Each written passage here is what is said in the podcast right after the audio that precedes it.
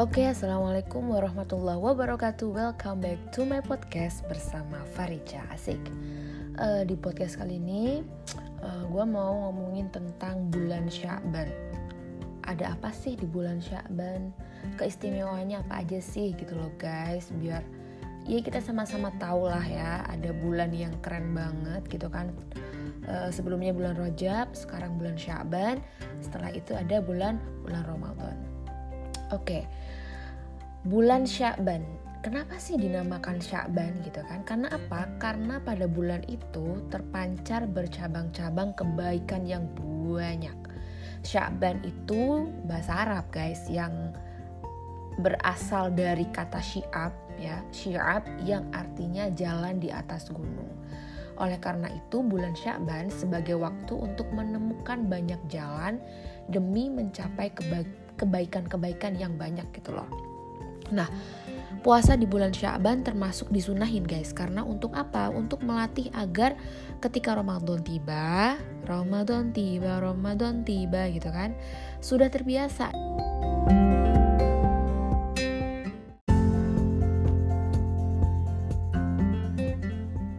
dengan berpuasa.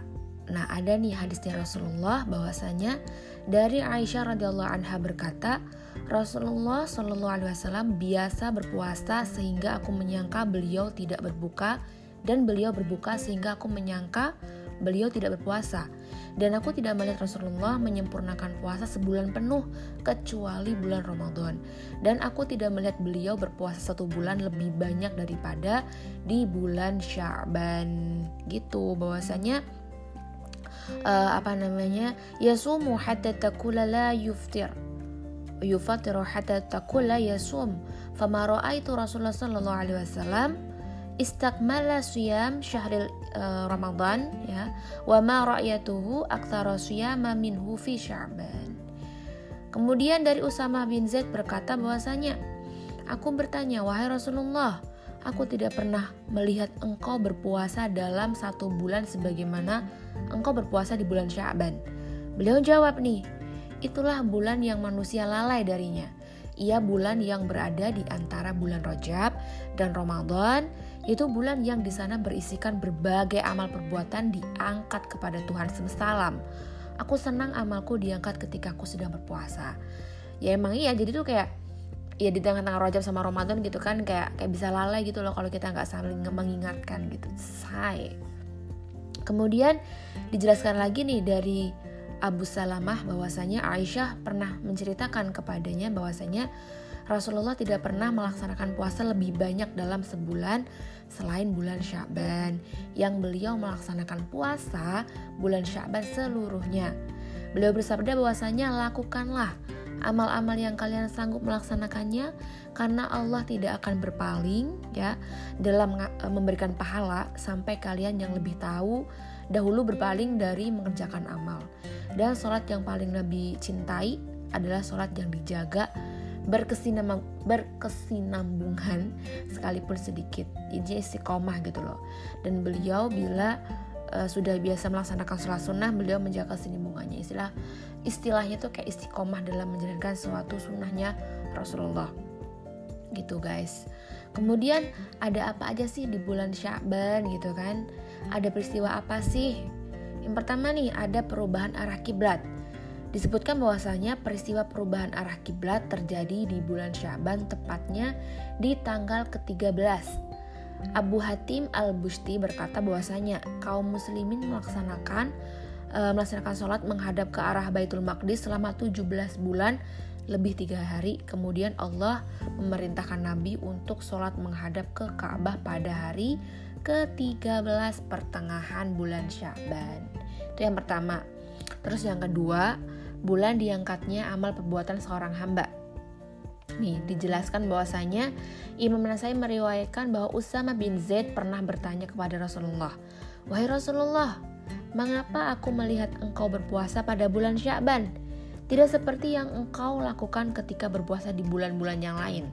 Rasulullah jawab nih, pada bulan inilah orang-orang tidak menyadarinya, yaitu bulan yang terletak di antara bulan Rajab sama Ramadan. Pada bulan ini amal-amal dihaturkan, dilaporin nih ke Allah ya kan. Oleh karena itu, aku ingin ketika amalku dipersembahkan kepadanya, aku sedang berpuasa. Gitu, jadi ada kandungan gitu loh, ada hikmah, ada petunjuknya bahwasanya di bulan Syakban saatnya amal kita dilaporkan kepada Allah. Secara psikologi juga ketika amal dilaporin gitu kan, sementara kita dalam keadaan berpuasa akan ngasih uh, pengaruh positif gak sih terhadap hasil laporan ya kan? Atau bisa jadi semua amal yang akan dihitung sebagai amal baik gitu. Karena puasa di bulan ini sebagaimana anjurannya bahwasanya memiliki nilai psikologis yang tinggi. Ya, selain kita mengamalkan ikut sunnahnya Rasul Rasulullah. Kemudian ada yang bilang bahwasanya amal seorang dilaporkan setiap hari Senin Kamis. Jelas dong ya. Ulama juga mengatakan bahwa yang dimaksudkan distorkan itu adalah seorang khusus untuk menguji kualitas amal dan kelengkapan syarat dan rukunnya sebagai seorang muslim. Kemudian Rasulullah bilang lagi bahwa saya memang uh, bulan Syaban itu memang banyak orang yang lalai gitu karena diapit ya oleh bulan Rajab dan bulan bulan Syaban.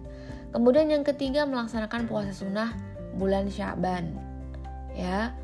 Kemudian uh, maksudnya Rasulullah itu kalau misalkan yang katanya Sayyidah Aisyah yang tadi udah aku sebutin ya kan yang pernah melihat Rasulullah tuh pernah berpuasa di bulan Sya'ban gitu kan maksudnya itu adalah sekuat yang kau sanggupi maksudnya di sini adalah uh, dalam melakukan ibadah hendaknya itu dilakukan dengan penuh semangat motivasi tinggi. Kemudian tuh harapan tuh hanya kepada Allah aja. Karena ini kalau misalnya kita ngarepin hanya pada Allah gitu kan akan ngilangin kebosanan. Terus habis itu kejemuan keputusasaan gitu. Jadi semua sifat negatif atau energi negatif gitu tuh kalau misalkan menyertai ibadah seorang akan menjadi benalu ya kalau misalkan kita tidak menyandarkan kepada kepada Allah kemudian yang keempat adalah bulan membaca sholawat kepada Nabi Muhammad. Ya bahwasanya uh, apa sih namanya kalian juga tahu kan kalau misalkan perintah bersolawat kepada Rasulullah itu kan jatuh di bulan Sya'ban yang innallaha wa malaikatahu yusholluna 'alan nabi ya ayyuhalladzina amanu shallu 'alaihi wasallimu taslima. Gitu.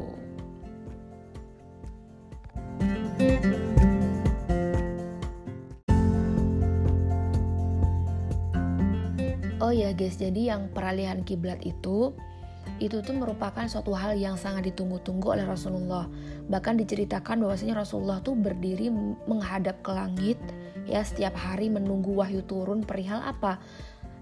Peralihan kiblat gitu loh. Ya, seperti yang kita tahu di surah Al-Baqarah gitu kan bahwasanya Sungguh kami melihat wajahmu kerap menengadah ke langit, maka sungguh kami akan memalingkan ke kiblat yang kamu sukai. Masya Allah ya.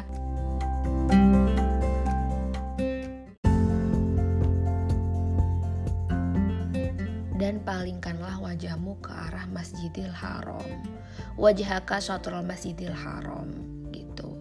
Kemudian ada lagi penyerahan rekapitulasi keseluruhan amal kepada Allah. Jelas yang tadi sebutin ya, bahwasanya semua amal itu diserahin kepada kepada Allah. Kemudian setelah itu eh, apa namanya penyerahan maksudnya di sini adalah gimana sih gitu kan bahwasanya uh, ada beberapa waktu tertentu yang menjadi waktu penyerahan amal kepada Allah selain bulan Sya'ban itu setiap siang, malam, setiap pekan. Ada juga beberapa amal yang diserahin ke, langsung kepada Allah tanpa menunggu waktu tersebut yaitu catatan amal sholat lima waktu. Jadi teman-teman, yuk kita perbaikin sholat kita, sholat lima waktu kita gitu ya. Jangan sampai kita tuh menunda-nunda sholat, apalagi nauzubillah meninggalkan sholat. Kemudian uh, apa namanya tadi juga yang disebutin turunnya ayat aja untuk apa ya bersolat kepada Rasulullah gitu kan Allah me merintahkan kita buat haji Allah nggak haji Allah merintahkan kita buat apa puasa? Allah nggak puasa. Allah merintahkan kita buat sholat Allah nggak sholat. Tapi Allah merintahkan kita buat sholawat. Allah pun bersolawat guys. Masa kita tuh sebagai seorang hamba yang ya Allah kecil banget itu mau sombong gak mau sholawat gitu kan? Gak malu atau gak tahu lagi lah orang yang gak bersatu gimana sih gitu loh.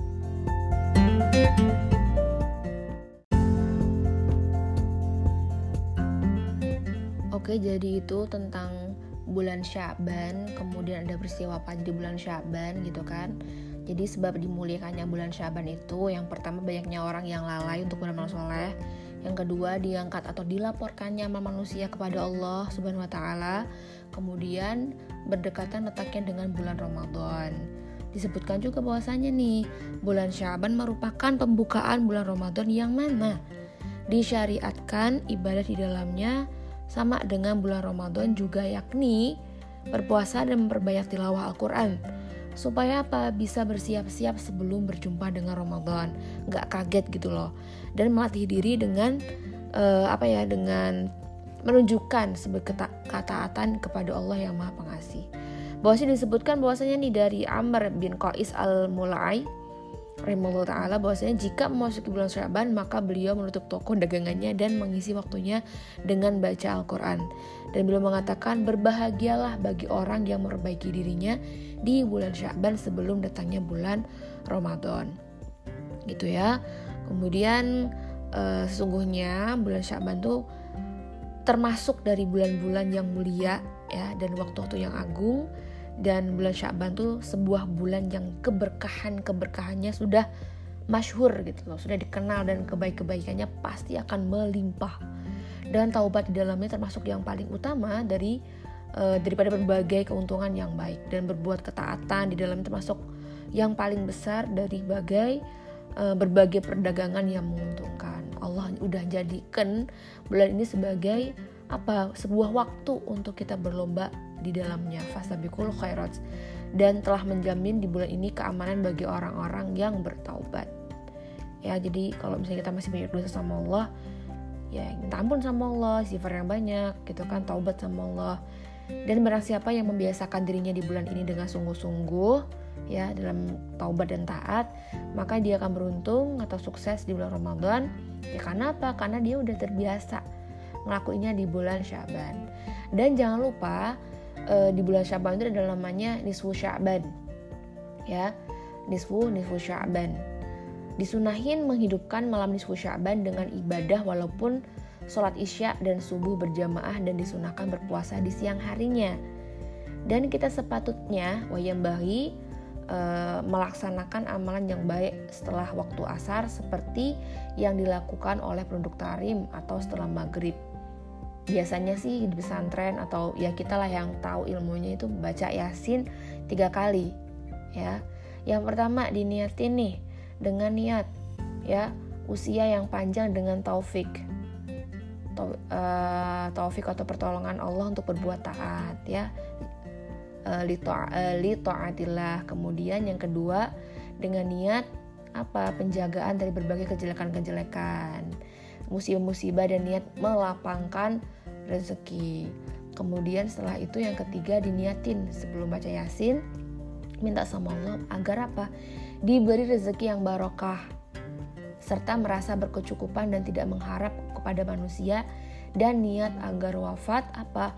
Husnul khatimah. Minta sama Allah biar dimatikan dalam keadaan husnul khatimah.